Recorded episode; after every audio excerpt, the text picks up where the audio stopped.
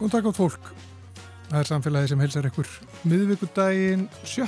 september og það eru Guðmundur Pálsson og Arnhildur Haldánadóttir sem eru umsjónamenn í dag og Arnhildur er enn fyrir norðan á Akureyri. En, en fyrir norðan og ímynd að gerast hér því að í gær bóðaði ásmundur Einar Daðarsson skóla og barnamálar á þeirra til fundar með framhaldsskólanum á Akureyri í menningarhúsinu Hofi nær fyrirvarlaust þar sem hann kynnti þá ákvörðun sína sameina skólana.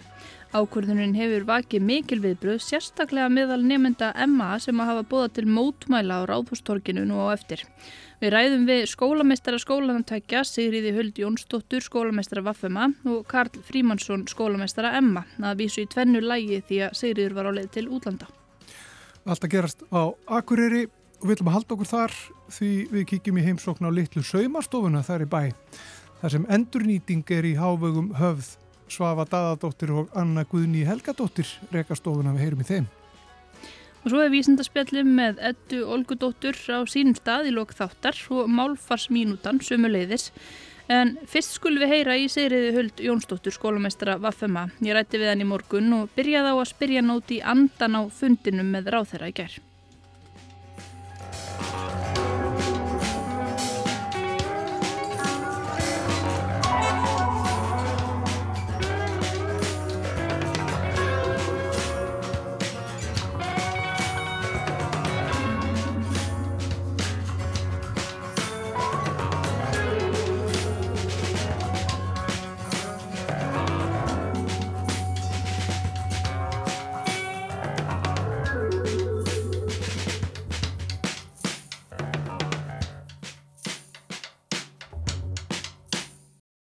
Já, ég heiti Sigriður Höld Jónsdóttir og skólumestir í verkmæntaskólanum Akureyri.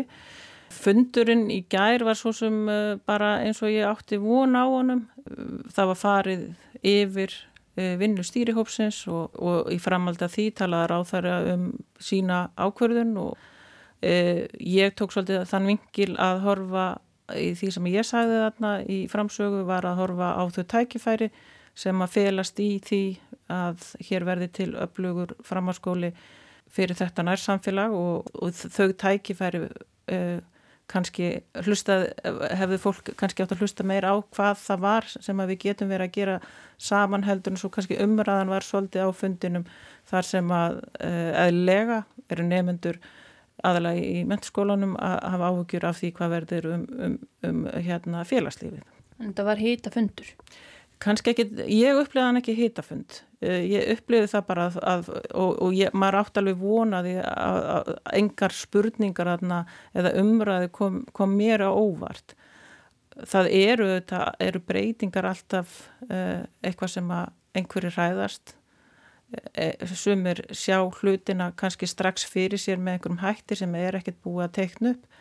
Það var aldrei sagt að að það ætti að fara að hætta með eitthvað sem að er í dag eh, og aldrei neitt talað um það að ætta hægt einhver í félagslífi kórugskólans og á þessum tímapunkti það er ekki raunsætt að vera að fara að tala um útfæslur þegar við erum ekki búin að ræða þær. Þá eftir að ræða þær, þá eftir að fara í frekara samtal við skólasamfélagið starfsfólk, nefendur e, þá eftir að fara í samtal við atvinnlífi hérna á svæðinu. Því að þar skiptir mjög miklu máli fyrir atvinnlífið á sæðinu að hér sé upplugt yðin og starfsnám.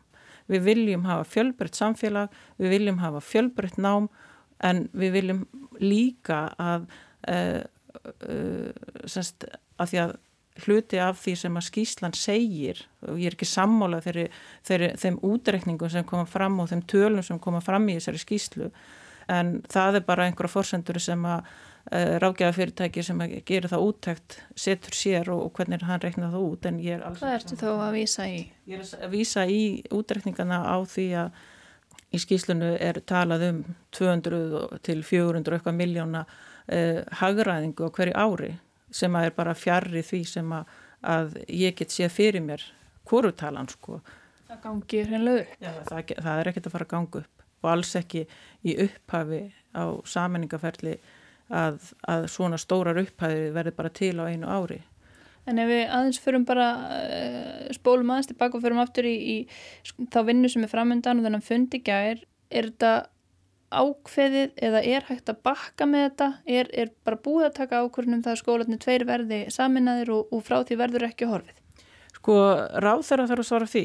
Eh, ég er í þessari vinnu með því eh, hugafari að, að skólanir sé að saminast og það er mín tólkun á því hvað stendur í, í skýslu stýrihóps og það er mín tólkun á fréttatilkynningu frá ráðnettinu eh, en rá, ráð þeirra þarf sjálfur að svara því hvort að hann telli einhver ástæðu eða semst munu e, gefa undir fóti með það að það veri dreyið tilbaka. Þessi vegferði komin á stað, hún er ekki bara komin á stað hér, það er verið að endur skoða allt framháskólakerfið á Íslandi og bara er eðlilegt framhald finnst mér af, af, af því sem er stefna ríkistofnarinn og búin að það hefur aldrei verið neitt lindamál að það á að fækka ríkistofnunum og við getum ekki haldið að framhanskólar séu undarskildinir þeirri skoðun. Það eru 30 og eitthvað framhans, ríkisrækni framhanskólar í Íslandi. Ef við ræðum aðeins kosti og galla þess að samina þessa tvo skóla hérna á Akureyri,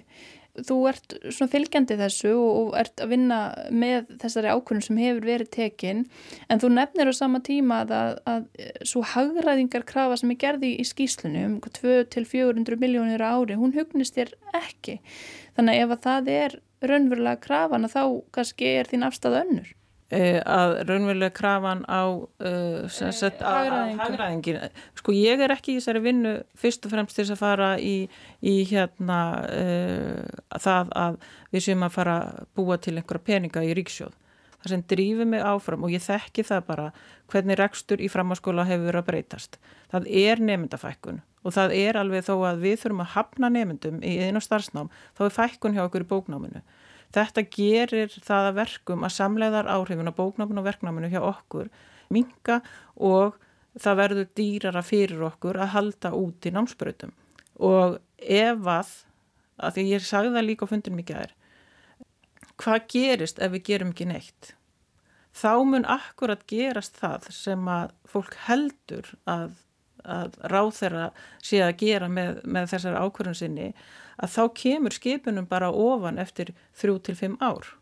Að þá bara kemur einhver og segir nú verður þetta eitt skóli, uh, hann verður svona og svona og svona, þið fengu tækifæri til að gera það sjálf, þið nýttu það ekki og nú bara er verið aðri sem gera það. Þannig að ég held að fyrir þetta samfélag og, og hérna fyrir bæðir skólasamfélagið og bara samfélagið sem held ef við ætlum að halda úti meðal annars öflugu atvinnulífi með inn og starfsnámsgreinarnar hérna á svæðinu og vera með háskóla að þá verður að vera til öflugum framhanskóli.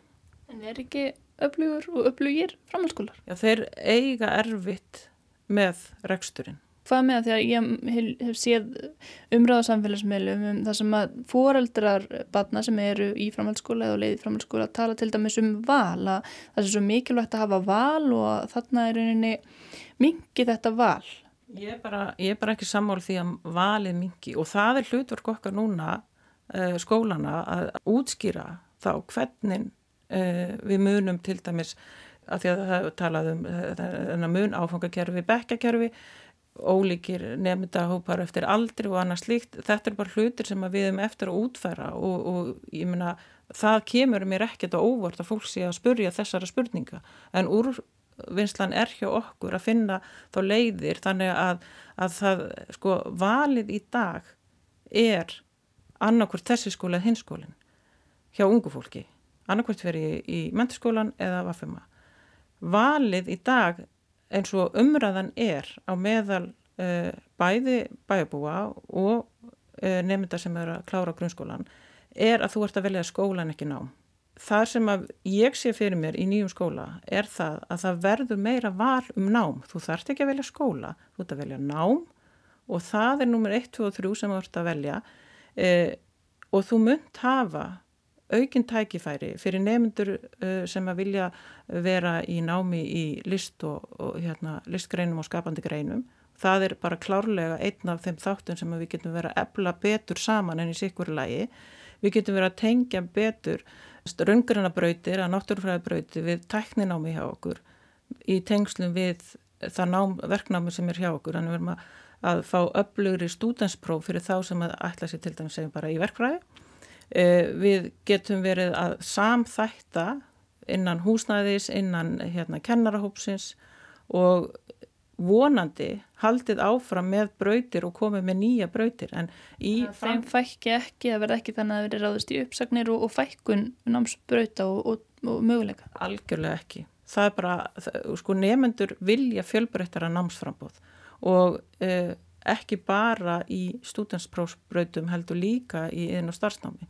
Og það sem að myndi gerast og hefur þróunin að gerast í þeim skólinn sem bó, bó, bjóð upp á bóknám, hvort sem það er reyni bóknámskólar eða, eða, eða hérna, fjölbrytarskólar, að tilnefingin er svo að það verður að þjappa fólki alltaf meira og meira í einsleitara sama námið, að því að ekstralega er bara mjög erfitt að halda út til svona áfanga og einhverjum öðrum áfanga að þeir eru svo fáir um hituna. Og ég meina nefnendum í bóknámi til framtíðar og, og það kemur alveg fram í skýslunni þó að sömur hafi ekki sömu hérna finnst eh, hérna eh, tölfræðin þar ekki vera rétt en, en þetta bara raun gerist inn í skólanum að nefndum í bóknámi fækkar ungu fólki fækkar sem er á framhanskólaaldri og við verðum einhvern veginn að bregðast við því þannig að við missum ekki eh, eitthvað nám af því að við getum ekki hugsað okkur að vera með eitt skóla til dæmis eins og hér eða hvar sem er verið að hugsa um að sameina skóla sérstaklega á þjættbílum svæð. Það er langmesta hagraðingar sem er stutt á millið þeirra og, og hérna er inn í, inn í sama uh, íbúða svæðinu eða sama samfélaginu. En uh, nú fáið þið hvað tvo mánuði til þess að vinna saman uh, þið í Vaffamað og, og svo þau í Emma að útfæslu á þessu. Það er kannski ekki beinleins langur tími eru með tvo stóra skóla, ólíka skóla hvernig einhvern veginn svona samþætta þetta og búa til einhverju útfæslu sem að, sem að hugnast fólki? Ég sé svo sem ekki einhverju loka útfæslu vera til á þessum tveim mánuðum það þarf lengri tíma. Ég held mér þess að ráðunitið sé alveg með skilning á því en það sem er kannski svona gróf myndin af því hvert við erum að fara og, og, og hvert við viljum fara og hvert við sjáum það. Öll vinna við til dæmis námsbröytalýsingar, áfangalýsingar, uppbyggingu nám, uh, náms, hérna, notkuna húsnæði, félagslið nefnda, starfsmannamál, Þetta gerist ekki allt á tveimum mánuðum, langt í frá, en þetta er þróun, einhverja tímalínur verða eins og það er að vera í þessu og ég minna það er ekkert að breytast neitt á þessu skóla ári fyrir þeim nefndum sem eru á þessu skóla ári, það er bara alveg klárt. Og hvort að við erum tilbúin næsta haust með eitthvað eða ekki, það bara, ég get ekki svaraði akkurat núna því að bara klárlega við sem erum í Vaffema og, og, og þau sem eru í Emma, eh, við viljum vinna þetta vel markmið okkar er ekki að búa til einhvern skóla sem við getum ekki sagt að við séum stolt af og, og sé bara flagskip í íslenskum framhanskólum. Uh, að þessum samráð og viðbröðin í samfélaginu, þau hafa verið svolítið hörð og þá kannski sérstaklega lefið mér að segja emma megin, það sem að nefndafélagið hefur sendt frá sér yfirlýsingu, búið að gera könnun, talað um að 98% nefnda séu mótfallin þessu, bara mjög ósamála, búið að búa til mótmæla á ráðhústorkinu núna og eftir og þeim finnst bara vegið að skólanum, vegið að hefðinni, vegið að þessari kannski ímynd sem að mentaskólinu og akkurir hefur. Eh, hefur þetta vakið einhver svona viðbröð í, í þínum nefndahópi? Það er bara með allt, allt öðrum hætti. Þau segja, mjög skinsamir nefndur í nefndafélaginu hjá mér, þau, þau segja það að þau vilji sjá hvað er verið að bjóða upp á. Þau sjá líka alveg ákveðin tækifæri til þess að, að gera félagslífi bara enn betra. Eh, það sem að, að er verið að tala um eh, félagslífi í, í mentarskólunum eh, af hverju mega þá ekki bara fleiri njóta þess sama og, og þau verið að gera. Getur við ekki bara verið þá fleiri sem að eigum hluteld í þessu frábæra félagslífi. Þannig að horfum á það þannig.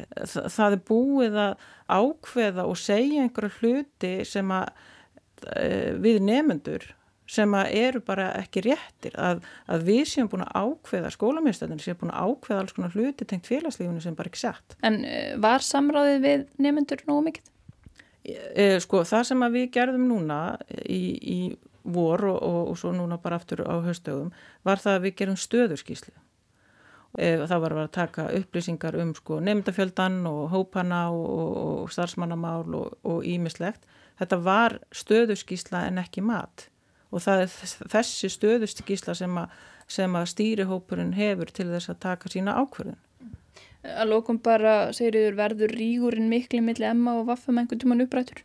Það ætlaði að vona, því að þetta er ekki holdt samfélaginu að vera menna rík. Takk fyrir, komið samfélagið. Takk fyrir sem leys. Þetta var Sigriður Huld Jónsdóttir, skólameistari verkmyndaskólans á Akureyri. Við höfum enn eftir að tala við skólameistara mentaskólans á Akureyri, Karl Frímansson, heyrum í honum hér eftir örskama stund, en eh, fyrst ætlum við að heyra læðið fallega um gamla skólan. Þetta eru mannakott. Góðan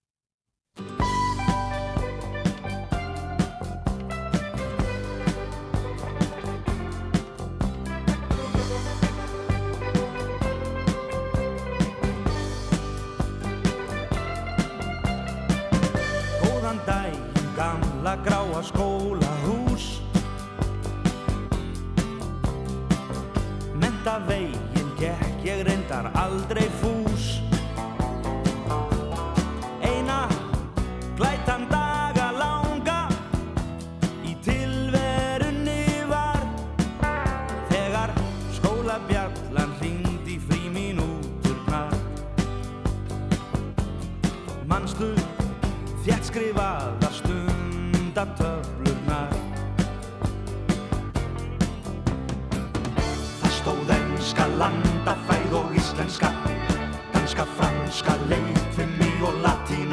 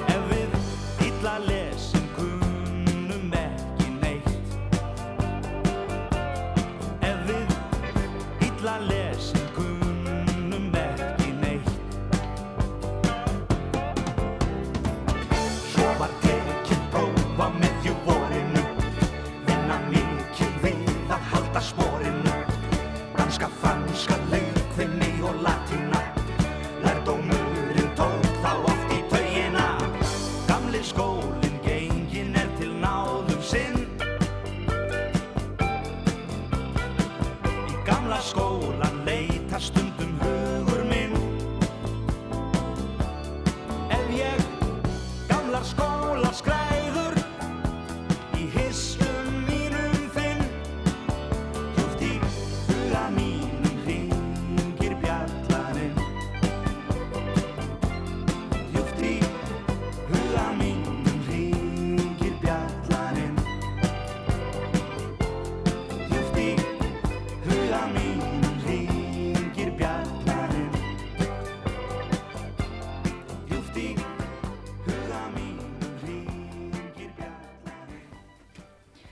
Já, hing, hingað er komin í hljóðveru á Akureyri, Karl Frímansson, skólamestari mentarskólans á Akureyri, velkomin. Takk fyrir. Ef við byrjum bara á þessum fundi í gær með ráðherra, hvernig upplýðið þú hennan fundi í gær? Kom þessi ákvörðun og þessi svona skyndilega bóðun til þess að fundar þeirra óvart? Þetta er aðferðafræði hjá ráðuneytun að gera þetta svona og fundurum kom okkur ekki óvart að við, við vissum á hann með aðeins lengri fyrirvara. Eh, tilkynningin, eh, við vissum ekki nákvæmlega orðalegi tilkynningun en, en það kom ekki óvart að hann væri að tilkynna að það er, er þið unnið að því að samena þessa tvo skóla. Þín afstæða til saminningar. Þú fylgjandi, andbyggur, eh, fylgir bara með eða hvað?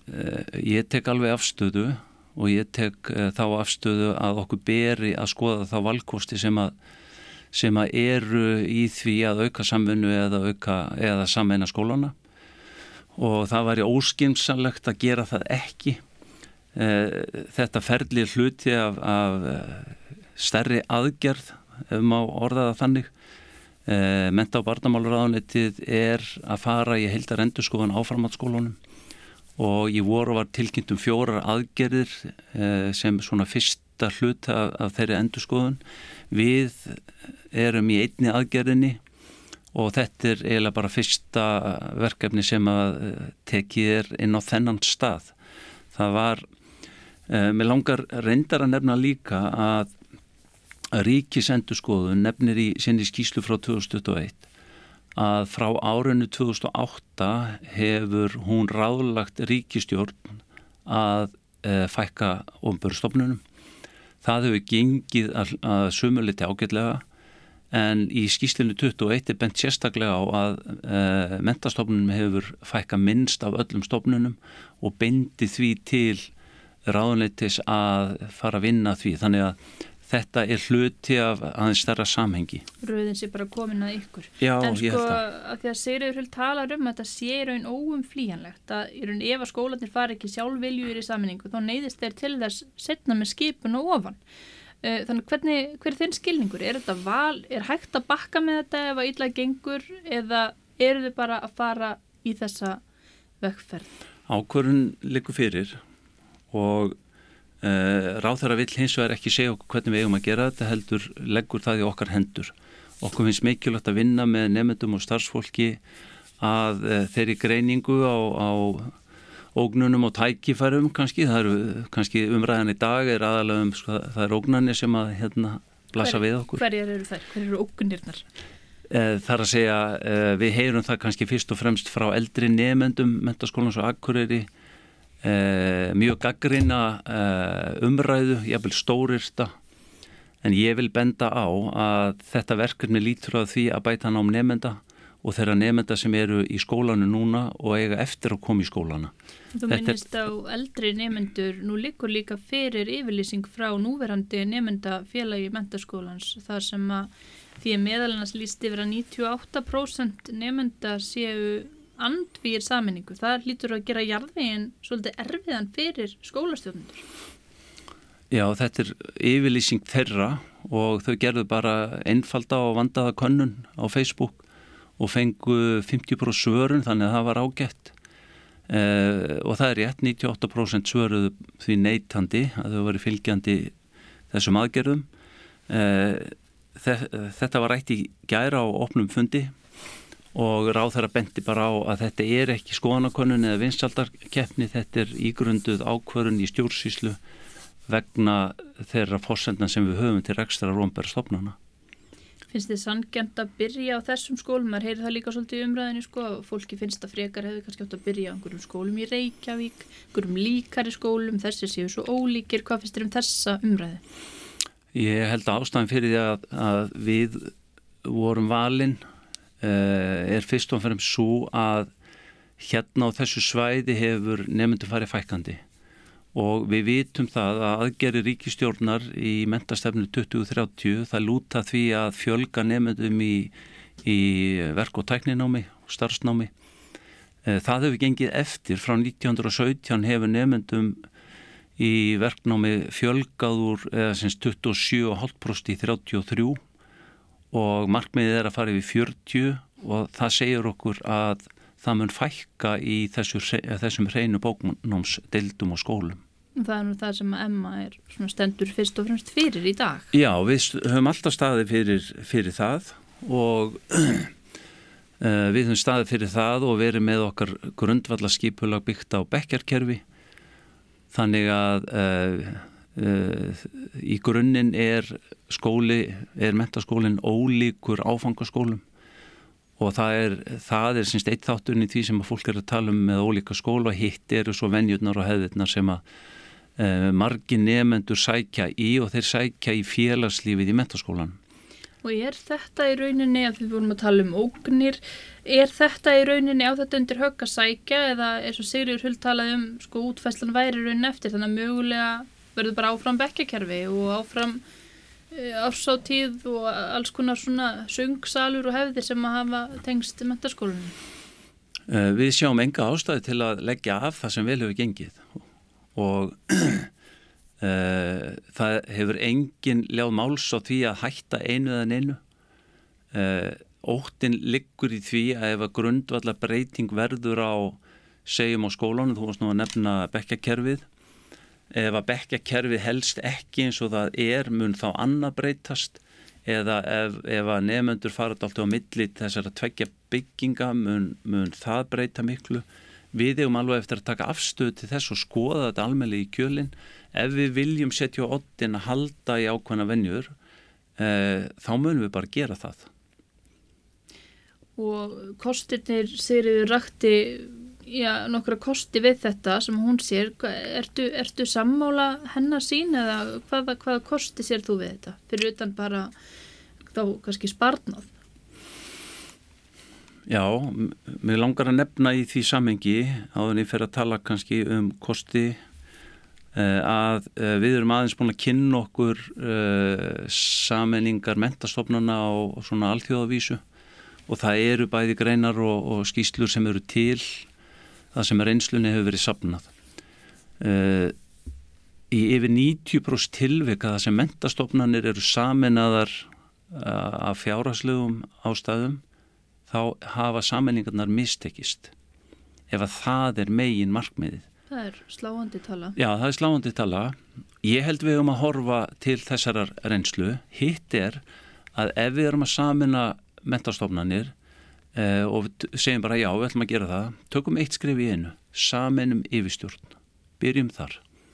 Svo, svo skulum við halda áfram. En virðum sérkenni þeirra stopnana sem verið er að samina og höldum í allt það öfluga starf sem er til staðar í stopnunum Þannig það er það sem að, þú sé fyrir þér. En er þetta snýst þetta alveg um peninga? Þegar við vísum aftur hérna í, í yfirlýsingu frá skólafélaginu hugin að það er að tala um að breytingin grafundan nándi kennar og samnefnundur vegið sér hefðunum, þetta sem við erum búin að fara yfir er líka að það sé verið að fleia öllu því sem gerir skólan einstakann út um glukkan í hagraðingar skyni. Snýst þetta bara um að hagraða með að við sko, fórsöndunar?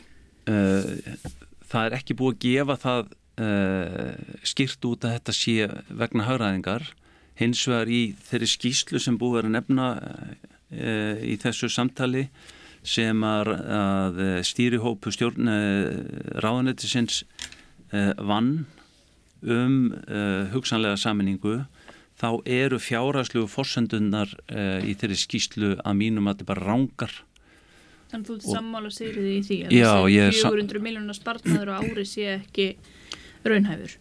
Ef við ætlum að spara 400 miljónir í þessum tveimur stopnunum og þá saminnaður í eina þá var langað með að benda á að 75% af kostnaði framhaldsskóla fer í laun og er launakostnaður uh, húsnæði og húsalega og annar fastu kostnaður eru 20% í viðbót. Við erum bara með 5% sem við höfum til ráðstöfunar í, í annað og það gefur þau og leið ef þá sparum svona háa prósentu hátt hlutfall af uh, fjárvettingunum þá er verið að segja það ekkit óbeinum orðum heldur beinum orðum að við ætlum að segja upp starfsfólki.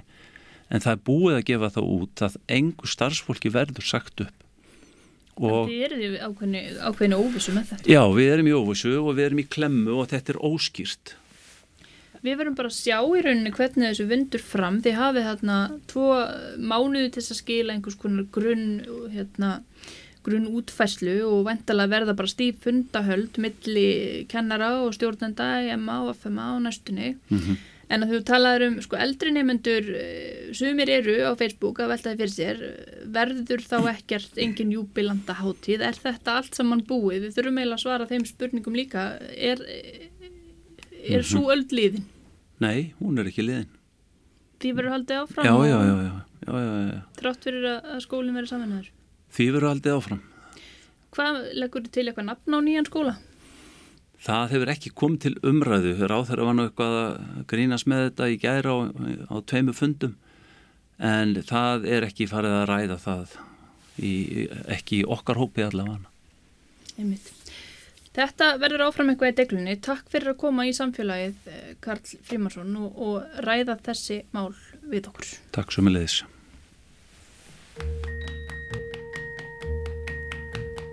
Every day it's a getting closer Going faster than a roller coaster Love like yours will surely come my way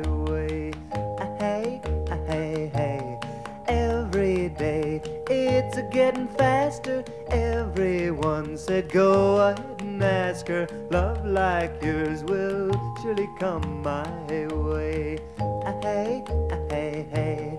Every day seems a little longer. Every way love's a little stronger. Come what may, do you ever long for true love from me? Every day it's a getting closer, going faster than a roller coaster. Love like yours will surely come my way. Ah, Hey, ah, hey, hey.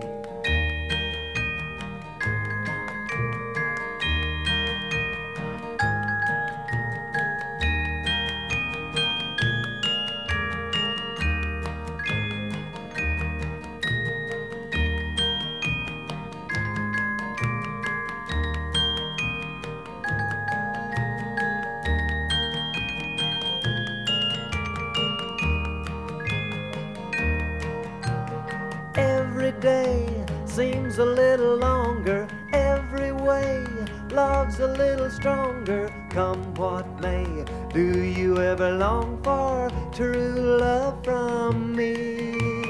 Every day it's a getting closer, going faster than a roller coaster. Love like yours will surely come my way. Ah, Hey, ah, hey, hey. Love like yours will surely come my way.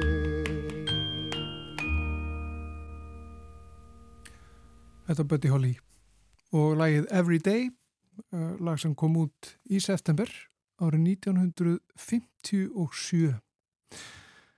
En uh, Artildur er enn fyrir norðan og hún fór uh, á stúfana og uh, heimsótti saumastofu.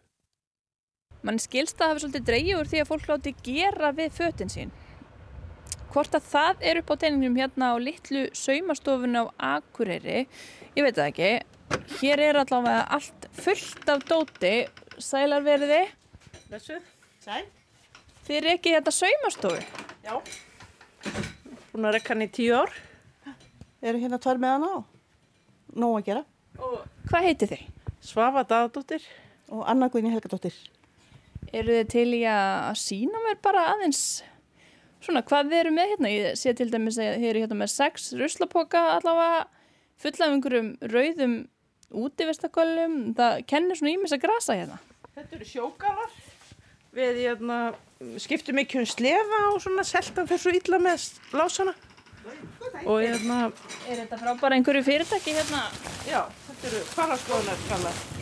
Já, Veilvótsing Akureyri, einmitt. Og eins ripna mikið fóðrið, við gerum við það. Þegar þeir eru farið í galan í skóm, þá rýfa þeir fóðrið innan og, og það má lengi laga þetta því að þe- þetta er, það er ekkert annað sem slitna, það eru sleðanir og, og fóðrið. Og hafið þið verið að gera oft kannski við hvert galla hérna? Er, er þið búin að vera með samning við þau lengi? Já, við erum með einn þrjú fyrirtæki sem við gerum alveg fyrir í kvalskoðinu, sko. Já, bara í kvalaskoðinu. Og hvað með önnur fyrirtæki? Já, við erum mikið með bæði vinnufatnað og annað í viðgerðir. Þannig að fólk er meðvitað um það að það er hægt ofta að gera við. Það er mjög meðvitað um það. Það er, það er sko, hérna akkur er bara nánast öll fyrirtæki sem eru með samning við okkur sem eru í svona uh, stærri göllum og, og vinnufatnaði. Er það ekki brjálað að gera hjá ykkur bara tveimur? Jú, það er nóg að gera hjá okkur. við, kvörtum ekki um verkefna skort. Nei, og svona, já, umhverfu hérna ber þess svolítið merki. Hérna eru til dæmis tvær alveg smekk fullar slára af, af fötum sem þeir eru grunlega búina, búnar að gera við og eru, eru mert. Já, við erum að vinna, semst, einn sláhan er tilbúin og hinn, hinn eru að vinni. Er leður og við erum að laga leður fatna eins og hérna við erum að laga þeir bæði ripna og svo eru smellur og tölur og, og lásar og svona. En borgar þetta sig að láta gera við fötinu? Þegar nú er oft talað um það að í dag þá borgið það sig ekki að sé bara hægt að fara í einhverja, einhverja hraðtísku verslun og, og kaupa nýtt. Já, sko, það er mikið í dag, er hugsun norður önnur. Unga fólki kemur mikið með í viðgerir. Það, er bara samviskan sem að knýra það Já. til ykkar. Og það er ekkit allir sem eiga nálu tvinna. fólk kemur með flíktjafestina tölu. Þannig hvernig er, hvernig metið svona sauma kunnáttu unga fólksins í dag, það er, það er kannski ekki einmitt bara fátítt að fólk kunni að fasta tölu. Sko, svo kannski er ungt fólk kannski bjargar sér oft ótrúlega og, og, og maður sér heftistundum og annað í, í fatnanum, þá er það bara að retta sér. En ég, ég held að það sé ekki, ekki algilt að, að setja saumaðulega heimilunum, sko, ekki eins og var. En við veitum ekki þetta alhæfa fólk nú þetta bara misjamt.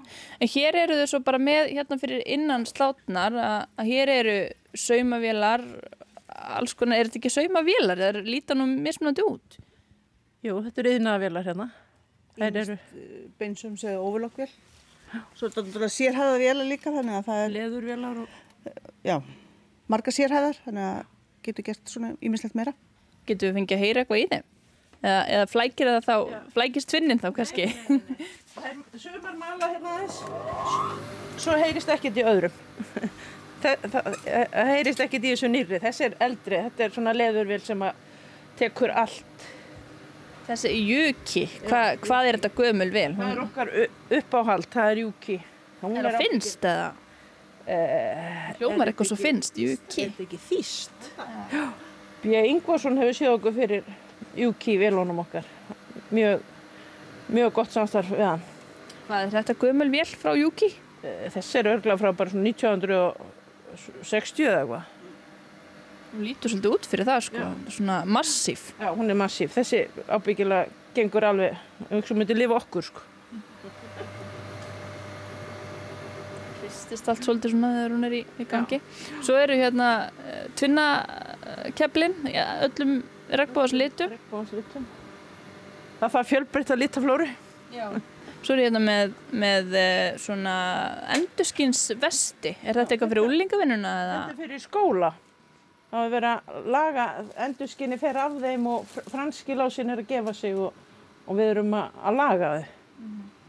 Þið talið um að þið finnir fyrir svona vitundavakningu bara á síðustu árum að fólk svona sé meira að láta gera við. Já, ég held við alveg getum fullir það. Ekki, ekki spurning. Hvað er það sem að, sem að veldur því, haldið þið? Ég, Bara Bara- virðing, virðing kannski fyrir flíkum sem það eru að kaupa og, og, bara, þú er kannski ekki búin að eiga hann lengi og kemur gatt á hana, þá, þá, þá kemur með hann í viðgerð, sko. Hvað með svona þessa þróun með, með þessar uh, vefverslanir stóru eins og bústa sem fólk er kannski að kaupa hellinga þess að hafa máta það og AliExpress og allt þetta hefur, hefur það áhrif sjáu þið, sjáu þið áhrif af því hér? Það er náttúrulega alltaf svolítið. Það er, við erum mikið að stytta og, og þrengja og reyna að vika og svona, þegar það tekst ekki alveg málinn, sko. Ef fólk er að kaupa eitthvað sem passar ekki? algjörlega, þá kemur það. Svona oft en maður finnur alveg að það eru, sko innanum er fólk sem að eh, sem er að kaupa mikið af þessum netvæslum, ódýru netvæslunum en svo eru aðrir sem eru miklu, miklu meðvitað um það að nýta það sem það á og, og, og versla í second hand búðum og, og svoleiðis. Svo er bara lífstíl hjá sumum að vesla í sekundhund. Það kemur bara með þannig vatna og, og gengur ekki öðru. Og lætur laga það líka? Já, þá þarf kannski aðeins að laga þannig að, að þeim. Þau vilja hafa þetta kannski aðeins öðruvísi og útfæra þetta. Og svona þegar þú hugsaður um, um viðskiptavinnina, er þetta fyrst og fremst fyrirtækin sem að, sem að halda ykkur gangandi eða, eða eru það líka bara, eh, hvernig eru hlutföllin svona? Þetta er nú bara svona í blandi. Ég myndi segja að þetta væri 50-50 sko. Vestlanennar, við erum svolítið með þær hérna í bænum. Sumir eru með semst, þá þjónustu að, að við stýttum fyrir þá og, og viðskiptavinnurinn tekur þetta hjá þeim sko. Eru þið eina, eina sumastofan á Akureyri eða er pláss fyrir fleiri? Það er alveg plássur fleiri, en ég held að við séum einan sem erum, erum í fullu rekstri sko. Það er náttúrulega einhverju svona í einstaklingar að sauma heima, en ég held að við séum einan saumastofan sem er á fullu og það er alveg plássur fleiri. Hvað um annars konar viðgerðar þjónustu er til dæmis starfandi skósmiður á Akureyri og Já. Það er skósmiður. Við höfum nú stundum verið í samstarfi við hann. hvernig er það samstarf? Við sendum til hans eitthvað sem að við ráðum ekki við. Það, er nú oft sko, komið skó til okkar með skiptum sleðaða laga og það er nú ekki alltaf sem við getum rætta því sko. Þá sendum við honum og svo er komið töskur til hans og hann sendir til okkar þannig að það er mjög gott samstarfum mitt okkar. Svona. Og með sleða þá áttu að tala um rennilás eða ekki? Já, þá er rennilásin sko í lægi sjálfur lásin en sleðin sem að fer fram og tilbaka á honum, hann er kannski fyrir gliðna og við skiptum um hann. Er einhver fleiri verkefni sem þið getið sínt mér hérna? Það er nú að vísa að taka sko. Já, það er er ekkert, ekkert lítið að dóti hérna, sko. Svo erum við náttúrulega með gardínur og rúmföt og, og ímislegt svo leið sem að, já, hérna fyrir leikskóla. Já, hér er, hér er uh, fullur uh, glær stór póki af, af handklæðum. Já, þetta sker, klippum við niður í klúta og smekki fyrir leikskólan. Alla leikskóla á Akureyri. Eh, Það er svona mis mikið en við, við erum að gera þetta fyrir einn leikskóla sem að leggja mikla áherslu á að endur nýta allt. Og síðan erum við í gardínur, saum, eða styrta gardínur og sauma gardínur Já. og setjum púða líka og klukkustrengi og þarna erum við að setja fóðra tösku, heklaða tösku sem við erum að setja fóður í. Þannig að hún verði Já, þannig að hún, hún svona haldi að það er ekki, hal- já. litlu hlutinni detti ekki. akkurat, þetta ekki út. En það er komið með alltaf handverki hérna til þess að setja upp já, Já. og græja og klára. að gera póka fyrir skýrframleyslu. Já, byttu, byttu, byttu, byttu. Nú skil ég ekki alveg. Nei, þetta eru skýrpókar eitthvað sem við síja, mjölkursamsalan er að síja skýr í því. Þannig að við sögum póka fyrir þá. Já, þannig að þið eru í matvælaðina líka. Já, já, já. Hvað er svona, eh, ég veit ekki, það er kannski sérstakasta verkefni eða er, er eitthvað annað sem ykkur dettur í hug sem er svona óvenjulegt? Við sögum inn í líkkistur. Já, hvernig er það? Það er, þá er bara til að fóra hana innan. Fólk vil hafa þetta vistvænt og, og, og náttúrulegt ekki silkið og satíni sem að fylgir oft í kistunum. Þannig að það er þá tekið úr eða, eða Já, eða, það er smíðaðar kistur hérna á Kureyri og við gerum fyrir hann sko. og kisturnar koma þá hinga Nei, hann Nei. kemur og sækir, fer með og og, og setur upp. já, setur í kistunar. Svo er emis langar og svona, það þarf stundum aðeins að gera stærri og svo leiðis. Hvert er uppáhaldsverkefni eða ykkur uppáhaldsverkefni? Nei, það er nú stundu skemmtilega samt þegar við komum með eitthvað sem að við höldum að sé enga veginn hægt að gera og, og við náum að gera það svona að- við séum ánaðir þá gleður það okkur. Já. Nei, þetta er bara svo mikið fjölbreytt í þessu. Það er nú það sem er skemmtilegast. Það er ekkit, ekkit eins neitt. Þannig að það er voru gaman að hafa þetta bara allt í bland. Það var ekkit leiður að þessu. Já, alltaf eitthvað nýtt. Og þeir eru með hálfgett safn hérna líka eða? Nokkra gamlar köler, vel og pfaff og... Þessi gluggi vekum mikla aðtegli, það leikur fólk á gluggunum og myndar alveg sérstaklega skemmtifæraskipin eru. Kemur inn og fær að mynda hjá okkur. Þetta eru vélar frá ömm okkar og langumum og, og svo hafa við bara komið til okkar hérna. Fólk hefur viljað setja í gluggana hjá okkur til að þetta setja í sínis. Já. Eru þær, eru þær notafar þessar eða? Ég held að sé að nánast að þræða þér allar og, og snúa. Því að það er sko, það fylgir með alveg bara allt sem, til þess að þetta er langar mín, Valgjör Jóhannesdóttir á Lómtjöld, eða frá Kvissumstöðum. Þetta er fylgir allt með með þess að ermannappar, eða flip, flippa nappi. Flippa það. Já. Og ammanar önnótti þessa. Já. Þannig að þetta eru konur sem voru uppi bara í byrjun 20. aldarinnar. Já. Þeir eru svona haldið, haldið aðeins í fortíðina hérna og, og, þetta allt og ömmurnar sem er alltaf gott.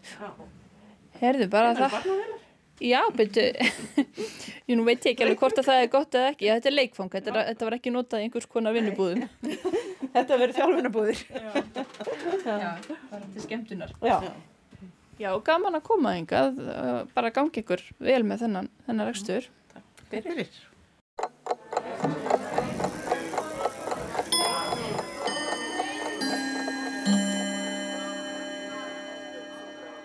Rafskúta er nýjirði í íslensku sem hefur fallið misjaflega í kramið. Ósjaldan koma aðtúasemtir við nótkun þess inn á borð málfarsraðunautar. Ímis rauk eru farið gegn orðinu, svo sem að skútur séu ekki velknúnar, að skútur fari um á sjó en ekki landi og að útliti séu skútur og hjól á enganhátt lík. Á móti koma þau rauk að skildleiki er með orðunum skúta og enska orðinu skúter sem merkir sá sem fer hratt yfir. Skúter er myndað af sögninni skút og í ennskum orsifjabókum er hún sögð rótskild norranni sögninni skjóta. Íslensk orsifjabók gerir ekki ráð fyrir skildleika orðana skjóta og skúta en tengir þó bæði orðin við orð sem eru af samastofni svo sem skota og enska orðið skátt.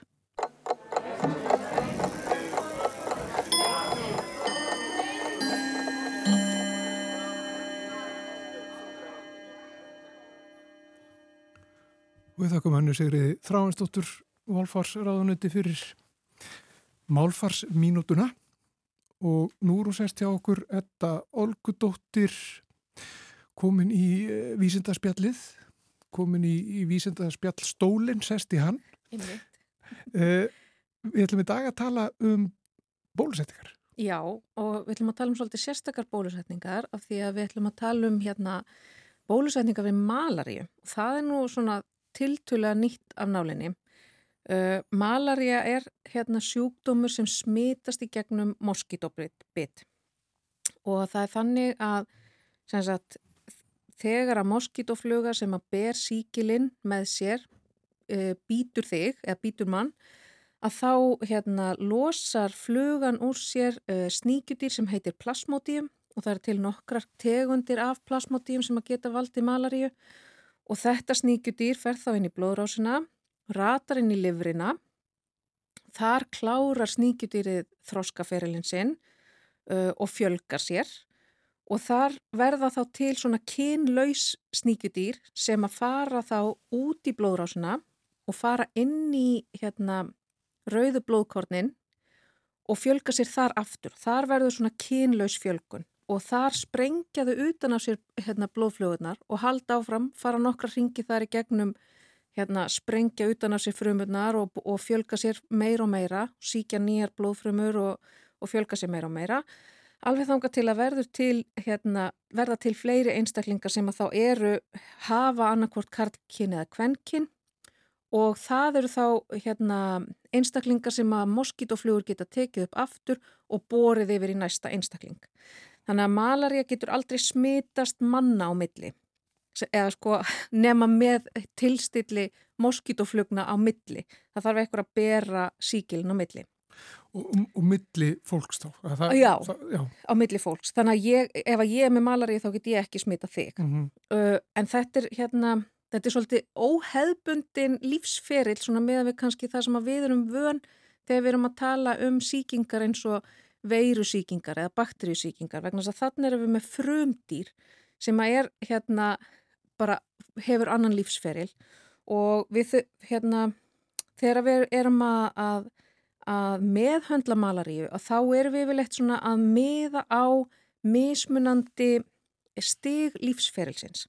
Og núna eins og staðan er í dag að þá er malaríu yfirleitt bara meðhöndluð sagt, þegar að síkingin hefur komið fram og það er bara livjagjöf og það er bara verið að drepa síkilinn og hérna enkenni malaríu eru bara svona hefbundin hérna sí, síkingar enkenni, þú veist, fólk fær hita, beinverki, höfuverk, hósta en svo getur þetta orðið mjög alvarlegt og ef þetta er ekki meðhandlað að þá veldur þetta dauða.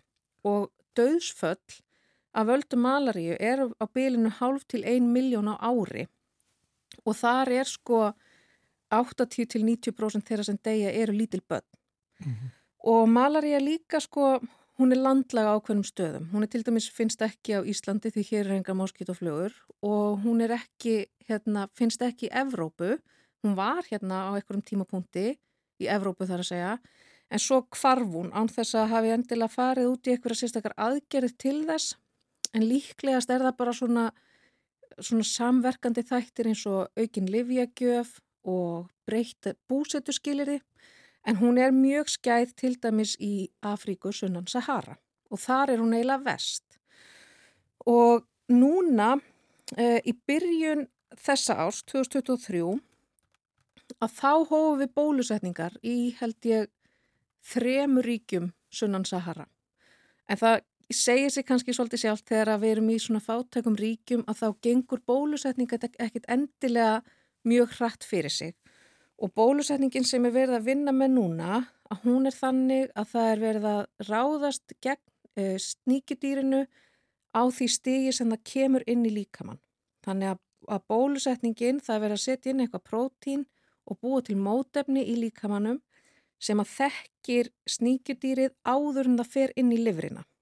Og til þess að það virki, til þess að það veiti fullkomna vörn, þá þarf bólusetningin að vera alveg 100% vegna þess að það þarf bara eitt sníkjudýr að komast inn í livrina til þess að geta byrjað að fjölga sér, til þess að geta búið til síkinguna. Og því miður þá er hérna bólusetningin, hún er ekki 100%. Það vantar aðeins þarna upp á. Það er hérna, sum sníkjudýr komast í gegn og þá er fólk ekki með fullkomna vörn. Þannig að hugmyndin er að reyna að bæta við bólusetninguna Það er að segja fyrsta lagi að stöðva sníkjudýri þarna á fyrstu stegum áður en það fyrir inn í lifrina og svo líka þegar það er komið út í blóðrásuna. Og nú hérna eru tilraunin með bóluefni sem að hérna það sem er verið að vekja ónæmisvar gegn prótíni sem heitir RH5 og þetta er prótín sem að, eh, sem að plasmodíum notar til að komast inn í rauðu blóðflögunar. Þannig að ef við náum að þekkja sníkjudýrið á þessu prótíni þá kemst það ekki inn í rauðu blóðfrumunar og þá getur það ekki byrjað að fjölga sér og sprengja utan á sér hérna blóðfrumunar og valdi þá til dæmis blóðleysi. Og þetta hefur verið prófað á fullorðum einstaklingum sem búi í Breitlandi og eru náttúrulega aldrei útsettir fyrir malaríu en náttúrulega fyrstu hérna, tilraunir á svona bólefnum að þá er verið að skoða bara hversu örugt er þetta og er þetta að hafa einhver áhrif á einstaklingana. Og svo tilraun gekk mjög vel en núna var verið að byrta grein í hérna vísindaríti sem heitir MED eða Medicine og þetta er unnið semst við háskólan í Oxford en rannsóknin sjálf er sko hérna framkvæmt í Tansaníu. Og hérna malaria er landlag í Tansaníu annað en í Breitlandi þannig að þar eru við með kannski svona aðeins getur við sagt svona raunhæfara úrtak heldur en hérna hvítir miðaldra brettar mm -hmm. og þar að auki að þá er líka verið að prófa þetta á mismunandi aldursflokkum, aldurs, hérna, aldursbeili og þau eru með 63 einstaklinga. Yngstu hópanir aðna eru sko e, 6 mánuða til eins og hálsárs og svo eru þau með hérna, næsta bil sem er sko frá 20 ára upp í 6 ára cirka og svo eru þau líka með þarna fullorna einstaklinga sem eru um það byrj millir 20 og 30 og allir fá, eða þeim er skipt í tvent, það er náttúrulega annars vegar fáðu bóluefni gegn hérna hundæði sem er þá livleisuhópurinn og svo fáðu hins vegar bóluefni gegn þessu prótíni RH5 sem er sérstaklega til þess að, að hérna, passa upp á að plasmodíum kemst ekki inn í rauðu blóðkornin og þeim er sem skipt í tvent þessi, tvö, þessi tveir hópar og allir fá bólusetningu og svo fjórum vikum setna, nei áttavikum setna segja, þá fáðu aftur bólusetningu. Og svo er verið að fylgjast með þeim til þanga til að sex mánuður eru liðnir frá fyrstu bólusetningunni. Og eru, það fylgst með þeim bæði sko hvort að viðkomandi fái síkingu eða ekki, hvort að þau smitist á að malari eða ekki og það er kannski hérna það er kannski ekki aðal mælikvarðin í þessari tilraun vegna þess að það er verið að skoða helst sko hvort þetta er örugt og svo er líka tekna blóðpröfu til þess að mæla hvort það eru hérna mótefni í blóði og það er það sem að kannski hefur sko um, gefur mesta gildið, sjá hvort það verður eitthvað, eitthvað ónami svar þannig að við vitum hvort að viðkomandi er að mynda eitthvað vörð eftir að hafa fengið bólu, hérna, bólusetninguna. Og þetta kemur rosalega vel út. Það er ekki mikið, eða það er semst, uh, það sem að fólk kvartar yfir eftir bólusetningu er bara þetta hefðbundna sem við finnum flest fyrir þegar við förum í bólusetningu. Það er ymsli á stungustad og kannski hérna, híti á degi 1 eða 2, eitthvað slíkt, en engin alvarleg tilfelli komið fram. Og þau mæla líka uh, mótefnarsvar í blóði hjá þessum einstaklingum og svo nota þau mótefnin sem þau einangra úr blóði þessara einstaklinga til þess að ráðast á sníkjudýrið inn á tilröndarstofu. Þannig að þau eru líka mæla, uh, er þetta mótefnarsvar að gera það gagn sem við erum að vonast til þess að sé að gera? Og það hefnast mjög vel og þau ná að drepa sníkjudýrið í ákveðnum styrk inn á hérna rannsóknastofu sem er mjög jákvægt og svo það sem er eiginlega kannski svona jákvæðast í þessu þó að sé óútskýrt er að mótefnasvari virðist vera mest hjá yngsta aldursfloknum. Það er að segja litlu börnunum sem eru sko frá sex mánuða upp í eins og hálsás og það er eiginlega sá hópu sem er mikilvægast að ná til vegna að þau eru vest útsett fyrir þessum síkingum.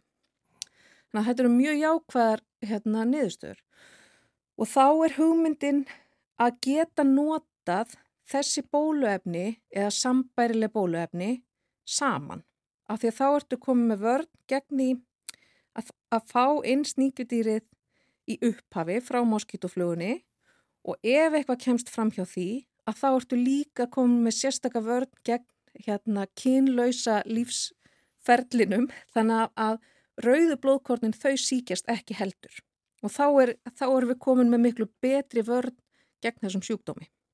Já, þetta er, þetta er alveg magnað og þetta verður mikil bilding ef, ef þetta gengur eftir. Já, rosalega mikil og, og hérna, þetta er náttúrulega eitthvað sem við höfum verið að berjast við í mörg, mörg, mörg ár og staðan er náttúrulega þannig að það eru til liv sem er hægt að nota til að meðhandla malaríu og svona hér fyrir okkur vesturlanda búa þá hérna þá er þetta okkur kannski ekkert mjög ofarlega í huga sko að vera að venda okkur gegn malaríu, ekki nema við séum að fara til einhverja landa þar sem að malaríu er landlæg.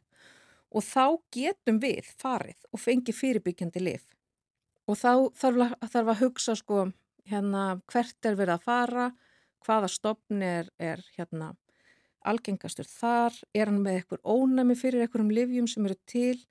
Þannig að, að hérna, það er líka ekki æskilegt þó að þetta sé sko það er verið að nota þessi liv fyrir okkur ríka fólkið og það er hérna það er náttúrulega ekki endilega hægt að nota þau fyrir heilu þjóðirnar en það væri líka ekki æskilegt að nota fyrirbyggjandi liv sem vörn vegna þess að þá þarf að viðhalda því bara á nokkra mánu að fresti sem að bæði kostar peninga og getur hérna leitt til þess að síklarnir verða ónæmir mm -hmm. sem er náttúrulega ekki það sem við viljum. Þetta er mjög áhugavert, Edda Olgadóttir og uh, lofar góðu við vonum að þetta gangi alls saman eftir. Algjörlega. Já, takk fyrir komuna. takk fyrir mig. Edda. Og með þessu ljúku við samfélaginu þennan miðugudaginn. Guðmundur Pálsson hér í eftirleiti og Artildur Haldanadóttir fyrir norðan. Já, já. Já, e, við tölum um mótmæli á þann Artildur, e, eru þau hafinn? Þau eru hafinn, já, á Ráðurstorki. Það eru held ég aðalega nefnundur uh, mentarskólis og akkurir. Já, við fylgjumst með því áfram. Uh, við þakkum fyrir okkur, Guðmundur og Arnildur, við heyrust á morgun. Heyrust á morgun, bless.